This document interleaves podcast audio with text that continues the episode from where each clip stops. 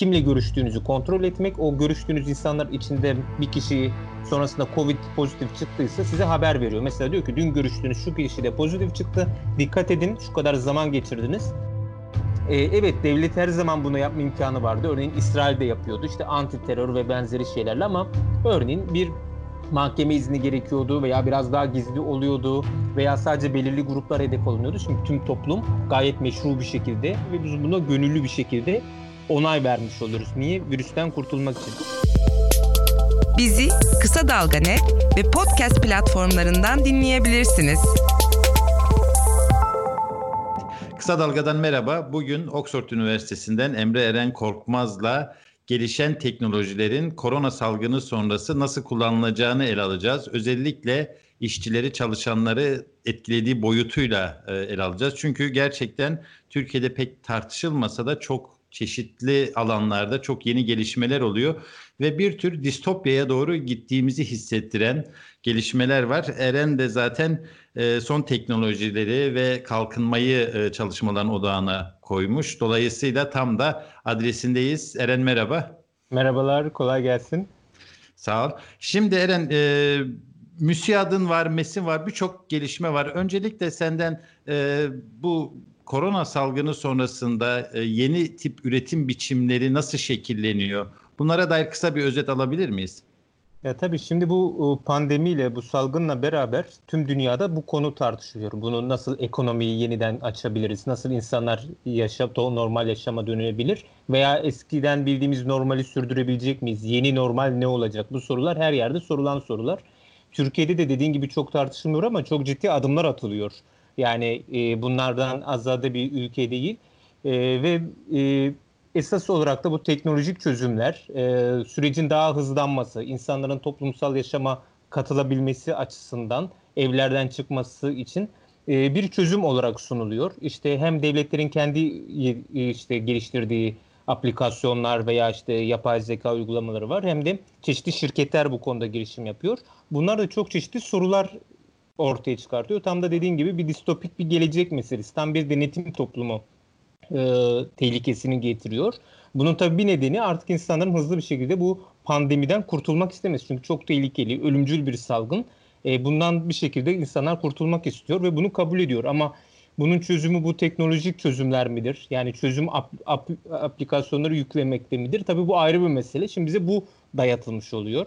Ee, bunu Ama bu aplikasyonları aşan bir yönü de var değil mi Eren? Mesela e, bu MÜSİAD'ın bir projesi var. E, bir e, kent kuruluyor aslında. Onu biraz anlatır mısın? Nasıl bir şey olacak o? Evet şimdi burada şöyle bir mesele var. Yani e, MÜSİAD'ın izole e, üretim merkezleri diye benimsediği bir proje ve bu ilk iki işte bugünlerde Trakya'da açılacak.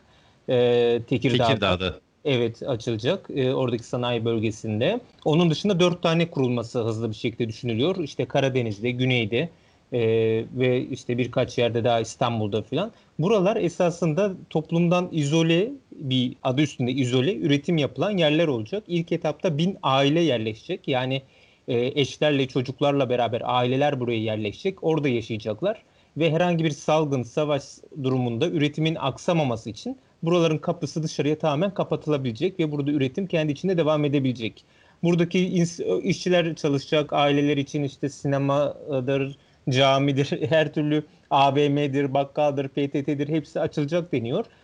E, ve insanlar bir şekilde e, burada çalışmayı sürdürecek. Yani bin aileden bahsediyoruz ve bu e, tedarik zincirindeki çalış e, üretimin engel olmamasına dair bir plan.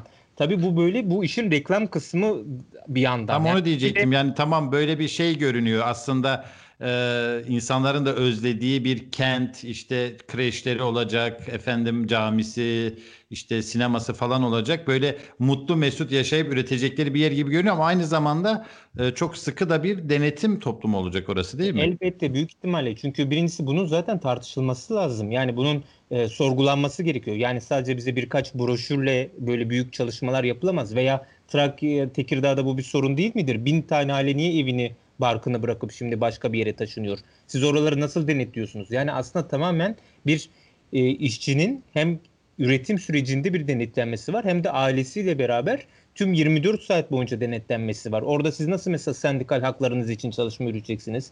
Nasıl sosyalleşeceksiniz? Ee, yani böyle birçok soru ortaya çıkıyor. Bunlara da doyurucu cevaplar vermek lazım. Aslında bir tür çalışma kampı gibi. Evet öyle de yorumlanabilir. Yani salgın zamanda oranın kapısı kapanacak ve dışarıdan oraya hiçbir şekilde virüs gelmeyecek, düzenli sağlık kontrolleri olacak ve benzeri. Şimdi bu e, krizin bir yani burada ama şu biz şu an bu çözümleri bu salt teknolojik bir çözüm değil tabii ama bu çözümleri bu krizden, virüsten kurtulmak için mi yapıyoruz yoksa yeni bir yaşam mı kuruyoruz? Yeni bir düzen mi oluşturuyoruz? E, bu mesele. Bu uzun dönemli bir plan. Bir Hı-hı. yanı bu. Bunu biz kabul ediyor muyuz? Böyle bir toplumda yaşamak istiyor muyuz? Biz hani e, böyle bir üretim sistemine girmek istiyor muyuz? Birinci meselesi bu. Burada ciddi bir denetim var, ciddi bir baskı veya diktatöryel bir yaşam var mesela. Yani bugün yani benim aklıma mesela şey sen... geliyor direkt. Bunu yapan müsiyat olduğu için de geliyor. Haklı olarak bunların toplumsal pratiklerini de gördük. Ee, camiye özel bir vurgu yapılmış, dini ibadet falan. Dolayısıyla sanırım orada aynı zamanda yeni bir yaşam e, tarzı da dayatılacak gibi. Ya da e, cumaya gitmeyen bir işçi nasıl orada e, rahat çalışma imkanı ya bulacak? Bu şu anda birçok yerde görülüyor. Mesela organize sanayi bölgelerde bu sorunlar her zaman yaşanır. Özellikle Orta Anadolu'da e, işte toplu bir şekilde servislerle Cuma'ya gidilir filan. E, yani bu bu işin bir yanı evet ama bir yanı da bunun bu kadar tartışılmaması çok garip geliyor birincisi. İkincisi buralardan başlayan sorunlar daha da meseleler giderek yayılabilir. Ve bir de bir şöyle bir mesele var. Şimdi biz Türkiye uluslararası üretimde kendini nerede konumlandırıyor? Bu da önemli. Bu yani meseleye bir küresel açıdan da baktığımızda. Yani siz bu kriz dönemini diyelim ki e, gözlemliyorsunuz. Yeni bir toplum ya da yeni bir düzen oluşacağını da görüyorsunuz. Peki neden mesela işte patent gibi, teknolojik yatırım gibi farklı alanlara yatırım yapmıyorsunuz, öne geçmiyorsunuz da kendinizi tedarik zinciri içinde tedarikçi pozisyonda yeniden konumlanıyorsunuz. Yani yeni bir Çin olmaya aday oluyorsunuz. Bu fabrikalar Çin'de var bu Foxconn örneği Apple'a üretim yapan yani orada işçiler intihar etmesin diye e, şey yapıyorlardı. E, pencerelere e, demir parmaklıklar yapıyorlardı. E, çok ciddi böyle yaşası. Biz niye o zaman Çin'e özlenen bir çalışma yürütüyoruz? Niye kendimizi uluslararası üretimin alt basamağında konumlandırıyoruz? Bu da esasında farklı konular. Yani aslında bu vizyonu da gösteren bir şey. Bir emek evet. rejimi yeniden kurumsallaşıyor, yeniden oluşturuluyor. Ee, işçilere yaş- dair konuş belli planlar yapılıyor ama bundan ne sendikaların ne yerel yönetimlerin ya da kimse tartışmıyor. Peki Böyle... bir de e, MES'in bir projesi var. Mesafe dedikleri bir kelime oyunuyla MES işte e, sendikanın adı zaten. Safe de İngilizce safe e, karşılıyor.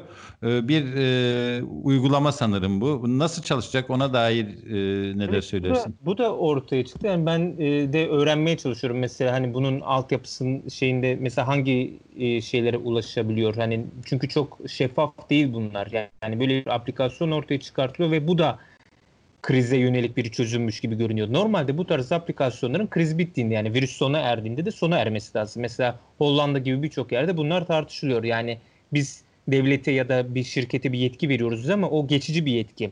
Ama hmm. burada da yine uzun dönemli bir plan var. Bir aplikasyon hem cep telefonunda üretiliyor hem giyilebilir bir yani vücuda bir giyilebilir teknoloji bir bluetooth yardımıyla insanlar boyunlarına asabiliyor ve çalışanların e, takip edebiliyorsunuz oradan. Çalışanlar arasında bir metre en az mesafe olmasını savun şey yapıyor, kontrol ediyor. Eğer bir metrenin yanına düştüyse, az altına düştüyse uyarıyor. Hem merkezi yani idareyi uyarıyor hem işçiyi uyarıyor. Ee, bu da bir çözüm olarak yani sağlık, iş sağlığı ve güvenliğine bir çözüm olarak sunuluyor. Şimdi burada da şu sorular var ben benim aklıma gelen. Birincisi e, MES işte metal sanayinde işte 3 tane sendikayla toplu sözleşme imzalıyor sektörel anlamda. Sendikalara bu konuda danışmış mıdır dizayn sürecinden içeriğine kadar? E, görebildiğim kadarıyla böyle bir danışma süreci yok. Kimse bunu e, bahsetmiyor veya sendikalardan böyle bir e, savunan bir açıklama da yok. İkincisi bu hastalığa dair, salgına dair bir önlem ise burada sağlık bilgileri alınıyor mu? Başka hangi bilgiler alınıyor meselesi var. Sağlığa dair değilse niye böyle bir yani mesafeyi sürekli korumanın şöyle bir sorun da olacaktır. İşçiler o zaman hiç bir araya gelip sohbet etmesin. İzole olarak kendi içinde kalsınlar. Sürekli kontrol altında olsunlar meselesi olacak. Bu e, hem gündelik yaşam, sosyal yaşam açısından hem de sendikalaşma açısından ciddi bir sorun. E bir diğer mesele de mesela bu aplikasyon senin hangi başka e, şeylerine, e, bilgilerine ulaşabiliyor? Mesela fotoğraflarına, e, cep telefonu e, numaralarına ulaşabiliyor mu, ulaşamıyor mu, istese ulaşabilir mi? Bazı aplikasyonları silseniz dahi arka planda çalışmaya devam ediyor, silemiyorsunuz. Yani böyle birçok soru var. E, bunların cevabının da açık bir şekilde verilmesi lazım. Yani onu indirdiğinizde neye onay verdik? Meselesi var. Aslında bu gözetim meselesinde bir ileri nokta da var. Tıpkı şey gibi e, 1984 gibi Orwell'ın e, kamerayla evden gözetim. Sanırım o BDDK'nın bir genelgesiydi değil mi? Kam evde çalışırken e, insanların kamerayla gözetimi. Ee, bu, bu nasıl basına, olacak? Bu basına yansıdı yani BDDK'nın o konuda bir e, şeyini ben birebir ara bulamadım yani bu söyleniyor ama işçilere böyle bir açıklama yapılmış. E, mesele şu çağrı merkezi gibi evinden çalışanların kameralarının düzenli olarak açık olması. Yani sonuçta işveren diyor ki ben senin çalıştığını nereden bileyim? Bana kendini kanıtlayacaksın. Evinde de olsun oturacaksın. Kamera açık olacak ve ben seni gözlemleyeceğim. Çalıştığını göreceğim. E, bunun da birçok sorunu var. Birincisi çünkü bir kişisel hayat var, özel yaşam meselesi var. İkincisi mesela e, bu Avrupa'da da çok kullanılan bir insan kaynakları e, şeyi vardı programı. Orada mesela senden habersiz 5 dakikada bir fotoğrafın çekiliyordu. Bu bayağı bir e, tepki çekti ve sözde kaldırıldı o. Ama bu yani Türkiye'ye özgü bir şey değil ama tüm dünyada tartışılan bir şey ama bunda da tabii meseleyi şey yapmak lazım. Yeniden gözden geçirmek gerekiyor. Yani e, siz yani evden çalıştığınızda insanları 8 saat boyunca bilgisayardan takip etmekle ne kadar bu işi yapabilirsiniz? Belki belli görevler vererek onun takibi yapılabilir. E, veya bunlar ne kadar yine işçilere, sendikalara danışılarak yapılıyor? Böyle birçok soru ortaya çıkıyor. Yani mesele şu. Bunların hepsi tartışılabilir. Belki bu soruların bazılarına düzgün cevap da alabiliriz ama bir sistem yani çalışma yaşamında ciddi değişimler var. Bu değişimler oluyor bu salgınla beraber bu bahane edilerek ortaya konuluyor. Ama kimseye bu noktada bir açıklama, bir danışma, bir e, yani e, bilgi verme gibi bir dert olmuyor. Ve bunlar tüm dünyada çok korkulan, çekinilen konuları beraberinde getiriyor. Tam Peki dünyada nasıl neler var? Yani hep Türkiye konuştuk da dünyada benzer uygulamalar var mı? Varsa hangi aşamada? Ee, yani bu her yerde tartışılan konu. Şimdi dünyada şöyle bir tabii virüs de yeni ortaya çıktı. Doğalında birçok ülke şu an hem hükümetler nezdinde hem de şirketler nezdinde bu aplikasyonları yeni ortaya sürüyor. Doğalında tartışmalar bu ortadan çıkıyor. Birçok alternatif oluşum da var akademisyenlerin bir araya geldiği. Örneğin işte kişisel verilerin güvenliğini koruyan desentralize aplikasyonlar da öneriliyor. Ee, veya daha merkezi e, aplikasyonlar da var. İşte İngiltere şimdi deniyor ortaya e, koyacak. O daha merkezi bir aplikasyon. İşte bütün bilgiler bir yerde toplanıyor. E, aplikasyonu üretirken buradaki istihbarat teşkilatı da bu işin içinde. Yani birçok burada da öyle bir mesele var. Onun dışında Google'la... İngiltere'deki mesele şey herhalde değil mi? Ee, korona pozitif olanların e, takibi ve e, temas ettiği insanların kontrol altına alınması evet, için şu anda tüm, deneme aşamasında olan evet, bir aplikasyon. Tüm, aslında tüm bu aplikasyonlar bunu yapıyor. Yani ilk mesele sizin e, Bluetooth ve benzeri yardımlarıyla ve GPS yardımıyla kimle görüştüğünüzü kontrol etmek. O görüştüğünüz insanlar içinde bir kişi sonrasında Covid pozitif çıktıysa size haber veriyor. Mesela diyor ki dün görüştüğünüz şu kişi de pozitif çıktı. Dikkat edin şu kadar zaman geçirdiniz. E, lütfen kendinizi izole ediniz ya da doktora başvurunuz diyor. Şimdi bunu siz e, manuel de yapabilirsiniz. Yani şey değil. Mesela Amerika'da e, 20 bin kişi istihdam ediliyor mesela New York'ta. İşte tüm ülke çapında 100 bin kişinin istihdam edilmesi lazım. Bu da insanları telefonla arıyorlar. Size sizin dün görüştüğünüz kişiler e, işte ya da iki gün önce görüştüğünüz şu kişi de pozitif çıktı deyip size bilgi veriyor. Hatta bunun daha insani olduğu da söyleniyor. Çünkü size bu bilgi geldiğinizde örneğin cep telefonunuzdan uyarı geldi. Dün görüştüğünüz kişi pozitif çıktı. Bu sizde bir paniğe de yol açabilir bir sürü evet. sizin sorunuz da geliyor ama siz onu e, bir telefonda biriyle konuşmak daha avantaj veya yaşlılar olabilir. Herkesin akılda telefonu yok ve benzeri bir sürü bu konuda tartışılan konu var. Ama burada mesele şeye dönüşüyor. Devlet bizi ne kadar takip edecek ve biz e, hangi haklarımızı veriyoruz? Örneğin Hollanda'dan, Avrupa Birliği'nden, Amerika birçok yerde bu tartışılıyor. Kişisel verilerin güvenliği nasıl sağlanıyor? Biz e, niye bu kadar devlete bilgi veriyoruz? Veya geçici olacaksa mesela e, bazı ülkelerde de şu tartışılıyor. Bunlar yasayla belirlenmeli.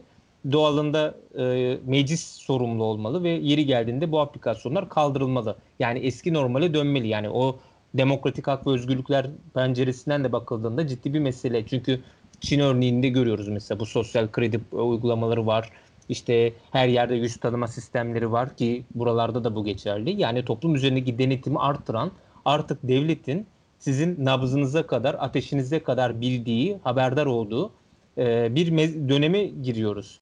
E, bu da ciddi bir mesele. Hatta geçen Guardian'da öyle bir yazı çıkmıştı. Eski İngiliz istihbarat şefi yazmıştı. Ya biz zaten halk toplumu istediğimiz gibi takip edebiliyorduk.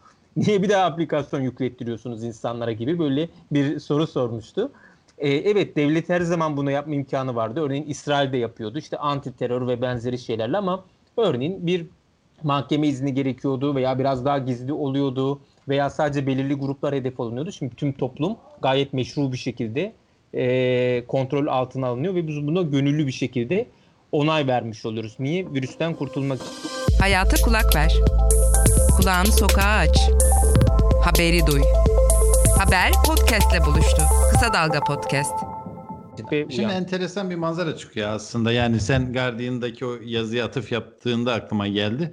Yani gerçekten de e, korona öncesi de e, toplumlar üzerinde çok ciddi bir denetim teknoloji yoluyla kurulmaya başlanmıştı. İşte bahsettiğin Çin'deki uygulama yani bir tür vatandaşlık puanı verip her devlet açısından makbul her davranışına işte borçlarını zamanında ödemesi, faturalarını zamanında ödemesi, işte bir iş yerinde çalışması, iyi bir aile babası olması vesaire puan veriliyor ve bu maddi durumunu, maaşını, işte krediye başvurduğunda kredi biletesini vesaire belirliyor.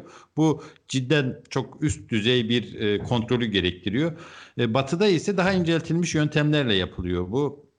Yani e, kredi kartı harcamalarından tut cep telefonu sinyal bilgilerine, internette girdiğin sitelere bizi kontrol edecek çokça araç var. Peki bu siyaseti nasıl etkiler? Yani e, devlet bu kadar ko- toplumu kontrol eder hale geldiyse normal zamanlarda belki e, pek hissetmeyeceğimiz müdahaleler yapar. Yani örneğin hoşuna gitmeyecek bir partiyi seçimlerde geriye düşürecek hamleleri sosyal medya yoluyla vesaire yapıyorlar zaten yapıyorlar başka daha e, yani distopik bir dünyaya doğru gidebilir miyiz? Hani böyle her şeyi kontrol totaliter bir yönetim buradan çıkabilir mi sence?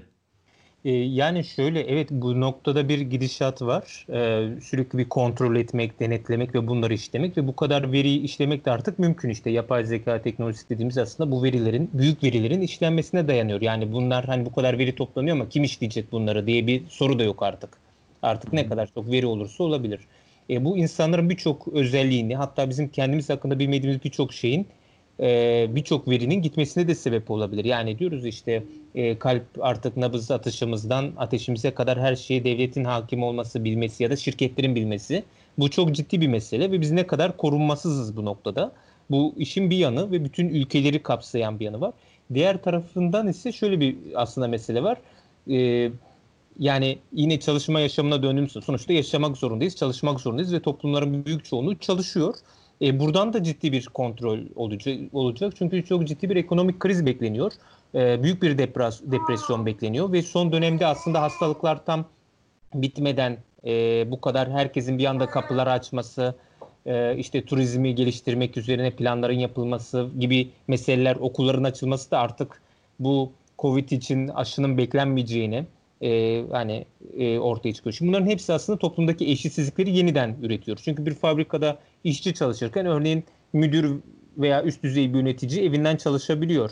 E, veya e, işte siyahlar, azınlıklar, işte ayrımcılığa uğrayanlar, kadınlar, kırsalda yaşayanlar, yaşlılar gibi çeşitli kesimler daha çok etkileniyor. Yani birçok ülkede ölenlere baktığımızda e, salgından ölenlerin daha çok azınlıklardan, yoksullardan, işçi kesiminden olduğunu görüyoruz. E, bu eşitsizlikler daha da pekişmiş olacak ve çalışma yaşamı da bununla beraber yeniden daha baskıcı, daha diktatöryel bir şekilde yeniden kurulmuş olacak. Yani ekonomi işleyecek, her şey ekonomiye bağlı olacak, her şey kapitalizme bağlı olacak ve bizler o arada ölenler ölecek. İşte mesela bu mesafe ya da Kocaeli'ndeki mesele de o. Herkesi test ettirme. E, ne demek? İşte testi pozitif çıkanı yana koyacağız. Deva diğerleriyle devam edeceğiz meselesi. İşte bu futbolda da işte pozitif testi çıkan futbolcuyu kenara alırız biz devam ederiz. Yani mesele çarklar dönsün. Ama bu çarkların başında kim var? Kim bunlardan çıkar elde ediyor? Yani hani her şeyin başının sağlık olması, sağlığın en temel hak olması gibi konularda gündemden çıkmış oluyor. Biz de bu noktada şanslı olursak yaşıyoruz. Şanslı olmazsak ölüp gidiyoruz. Yani böyle bir e, döneme giriyor. Bu bütün dünya için bir sıkıntılı bir dönem. Evet. Ama Türkiye gibi yerlere baktığımızda bir de şöyle bir şey çıkıyor. İşte mesela Türkiye'de grevlerin yasaklanması 3 ay boyunca ama sonra bu 3 ay daha ertelenebilir. 3 ay daha ertelenebilir. Hani toplu iş sözleşmeleri, sendikal hakların iptal edilmesi. İşte mesela Kocaeli'nde arkadaşları Covid çıkınca iş bırakan işçilerin valilik zoruyla geri alınması, işe döndürülmesi. Yani bir gün bile izin vermiyorlar. İnsanlar panik oluyor. Ya da mesela her sokağa çıkma yasağı var ama fabrikalar çalışıyor. Kaymakamdan validen izin al- alıyorsunuz ve insanlar çalışmaya devam ediyor. 20 yaş altı sokağa çıkmasın deniyor. Ertesi gün diyor ki ama işçiysen çıkabilirsin.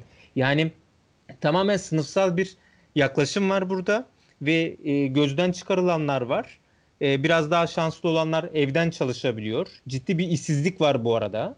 Yani çok ciddi bir toplumsal sorun sıkıntı yapıyor. Bu nedenle bu denetimlerin bu anlamda da önemli. Yani yarın bunlar için de kullanılabilir.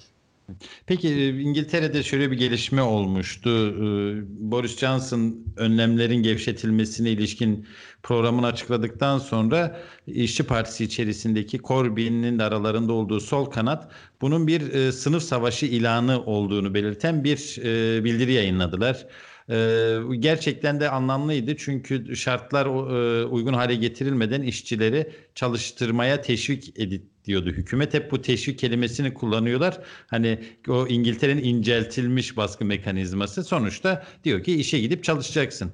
Ee, bir sınıf savaşı e, olduğu ve o sınıf savaşında yeni bir aşamaya girdiğimiz aşikar. Peki e, işçi sınıfı ve genel işçi sınıfı deyince de tabii aslında kavramları da bir böyle çalışanlar e, genelde nüfusun %90'ını oluşturuyorlar. Yani e, işçi sınıfı deyince eski klasik işçi sadece kol gücüyle çalışan işçileri kastetmediğimizi yine ben altını çizeyim. E, hepimiz için yani e, bu sınıf savaşında e, korona sonrası bir e, avantajlı durum hiç mi yok? Yani tamam sermaye bu önlemleri alıyor, devlet ona destek veriyor. Peki ama e, olumlu yönde bir emare, bir girişim, bir gelişme e, hiç mi yok? Ee, yani e, şu an öyle bir yani şu an virüsten o insanlar etkilendi ve sağlık ve can derdinde olduğu için tabii ki yani böyle bir toparlanma, tartışma, buna karşı koyma gibi konular çok görünmüyor. Ama buradan şunu tartışmak lazım. Yani toplumsal otoriterleşmeyle Türkiye'deki demokrasi rejimiyle emek rejimi arasında çok ciddi bir ilişki var. Yani sınıfsal ilişkiler bakımından, çalışma ilişkileri açısından bakarsak. Yani demokratik ülkelerde daha sendikaların hakları da daha fazla oluyor. işçilerin söz hakları oluyor. Yani yine siz sömürüden bahsedebilirsiniz. Birçok şeyden, eşitsizlikten bahsedebilirsiniz ama onunla beraber işçilerin de kazanılmış ciddi hakları olduğunu görüyoruz. Hı hı. Ee, e, bunlar şimdi yeniden e, tartışılmaya açılıyor. Niye? Çünkü çok ciddi bir ekonomik kriz var. Şimdi çok ciddi bir depresyon, yani bildiğimiz depresyon değil daha büyük bir depresyon deniyor. Yeni terimler ortaya konuluyor. Bu çok ciddi bir sorun ortaya çıkıyor. Bizim ülkemizde de geçerli. Yani ülkemizde de işte çok böyle sınıfsal konular gündeme gelmiyor ama çünkü bizim ülkemizdeki politik kutuplaşmalar veya konumlanmalar biraz daha e, farklı. İşte kendi işte Kürtler, sekülerler, İslamcılar gibi bakıyoruz mesela genel olarak ama e, zaten bunlar da kendi içinde heterojen farklı sınıflardan insanlardan oluşan kesimler. E, ve siz bir izole üretim merkezi kurduğunuzda orada Alevisi de, Sünnisi de, Kürdü de, Türkü de hepsi olacak. AKP'lisi de, CHP'lisi de. Oradaki sorunları beraber yaşayacak. Yani bu dediğim konuların an, e, yanlış olduğundan yola çıkarak söylemiyorum ama bir tartışmanın yan... gerçek ekseni e, kaymış durumda Türkiye'de çok haklısın. Yani, yani biz çalışanlar e, üzerinden bakmıyoruz meseleye. Evet. Hepimiz çalışıyoruz. Aynı yerlerde çalışıyoruz, aynı okullarda çalışıyoruz. Yani aynı şey sadece fabrika işçisi değil ki. Mesela şimdi okullar açılacak İngiltere'de diyelim ki bir hafta, üç hafta sonra. Öğretmenler sendikaları ayakta çünkü niye? O çalış öğretmenler en çok bundan sıkıntı yaşayan emekçiler olacak. Bir sürü okuldan gelen öğrenciler, onlarla birebir hepsiyle iletişim kuracak. Şimdi öğretmenler sendikası üzerinde İngiltere'de medyanın büyük bir baskısı var. Siz işte niye bir de şunu diyorlar. Siz işte işçiler e, okul çalışmak zorunda. Siz ya da işçilerin evinde o kadar rahat şartlar yok. Siz onların hakkını savunmuyorsunuz. Orta sınıfları savunuyorsunuz. Tuzu kuruları savunuyorsunuz. Çünkü onlar hep o ev eğitimini sürdürebiliyor, rahatlar diyorlar. Onlar yani öğretmenler de sağlık önceliklidir diye açıklama yapmaya çalışıyor. Yani hı hı. E, e, bu hepimizi ilgilendiren bir mesele. Her iş kolunu ilgilendiriyor aynı zamanda. Evet. Peki Eren, e, çok teşekkür ederim. E, çok e, daha fazla genişletip konuşulabilecek bir mesele ama esas itibariyle Türkiye ve dünyadaki durumu e, gözler önüne serdik. E, çok teşekkürler. Ben de çok teşekkür ediyorum. İyi çalışmalar. Haber podcastle buluştu. Kısa Dalga yayında. Bizi Kısa Dalga Net ve podcast platformlarından dinleyebilirsiniz.